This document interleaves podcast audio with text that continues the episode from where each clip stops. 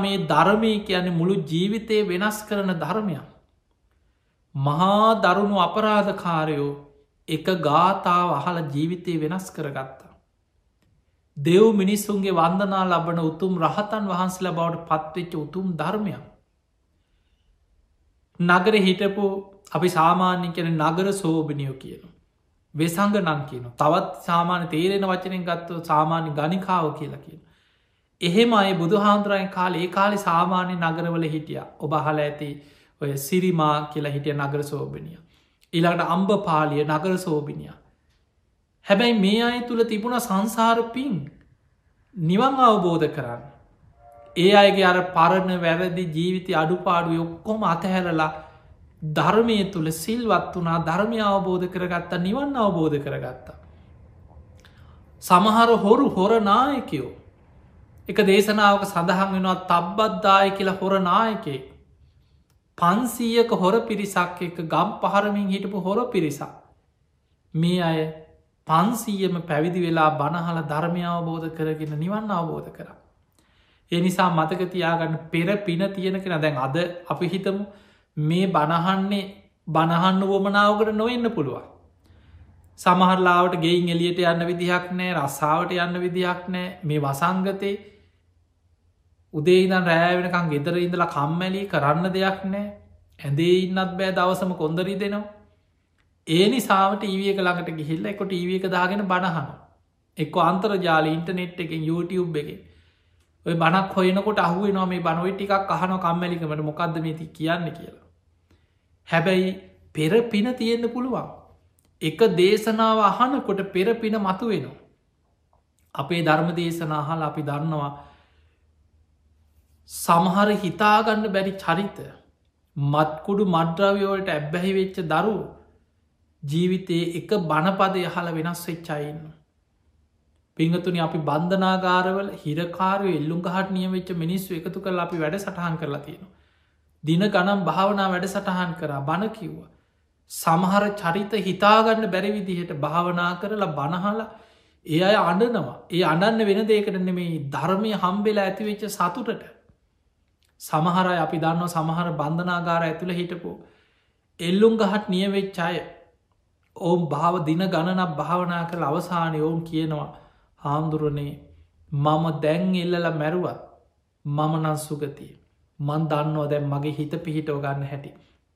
සමහරයි මට මතකයි දවසක් එක හිරකාරයෙක් කියනවා ඔහු එල්ලුම් ගහට නිය වෙච්ච කෙනෙ ඔහු කිව්වා හාමුදුරනේ මම පින් දෙන්නේ මාව එල්ලුම් ගහට නියම කරලා මේ ඇතුළට එවපු නඩුකාරයට කිව. ඔහු බැරි වෙලාවත් මාව නිදොස් කොට නිදහස් කරන්නම් යම් හේතුවකින් එක්ක සාක්ෂි නෑ කියලා. හරි මොකක් හරි හේතුවකින් හදත් මං අපරාධකාරය මිනි මරමර කුලියට මිනි මරමර ඒ කාලි පාතාල් සම්බන්ධ වෙලා හිට අපරාධකාරය ඕහ කියනවා මගේ ජීවිත එහෙනම් එක්ක කාගෙන් හරි වෙඩි කාල එක්ක මැරුම් කාල කෙලින්ම අපායට යන කෙනෙක්. නමුත් මට දැන් වටිනාවදේ ලැබුණ මේ බන්ධනාගාර ඇතුළෙදි මට බණහන්ඩ ලැබුණ බණපොත් කියවන්න ලැබුණ මගේ මුළු ජීවිතයම වෙනස් වනා කියලා. ඒ නිසා මතකතියක් සමහර අය මහා දරුණු වැඩකරපු මිනිස්සු බණහලා ඒ ඔක්කොම අතහැල්ල ඇවිල්ල පැවිදි වෙනවා. හොඳට බණ භාවනා කළ ධර්මය දියුණු කරගෙන ධර්මාව බෝධය කරයන.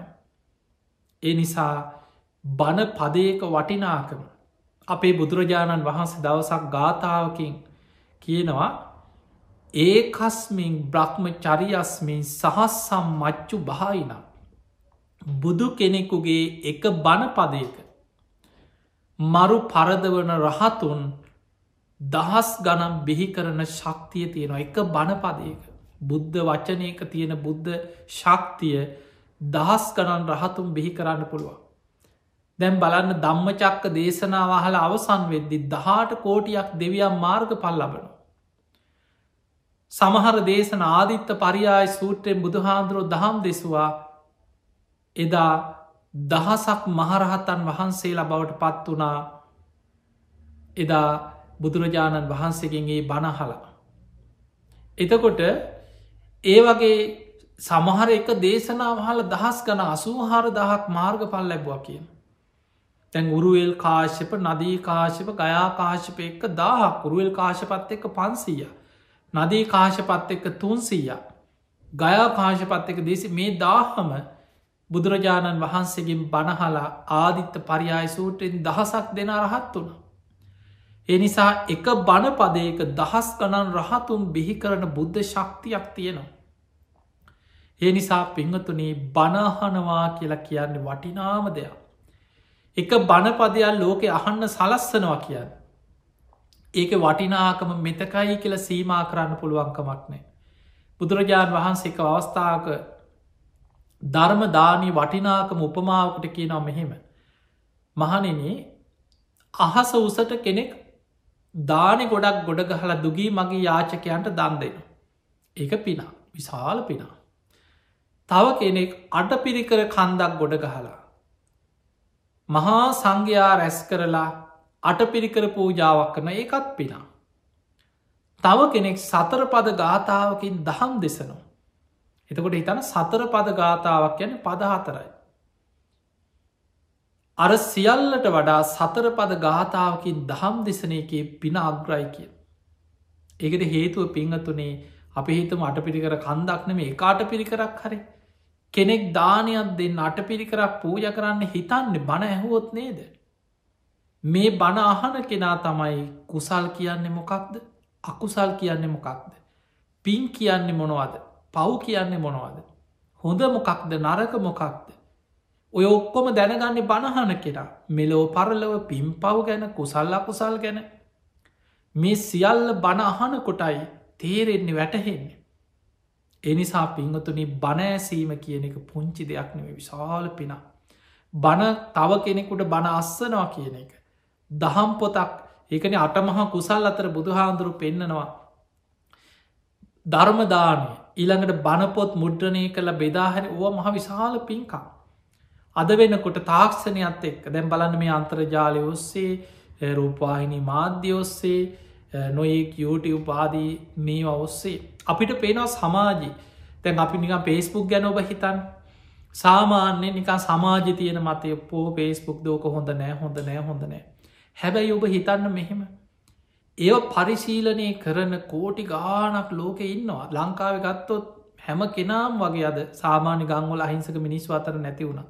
තරුණ පිරිස මැදිවයසයයි බොහෝ දෙනෙක්. මේ පෝර්න් හැමෝගෙ මතේ.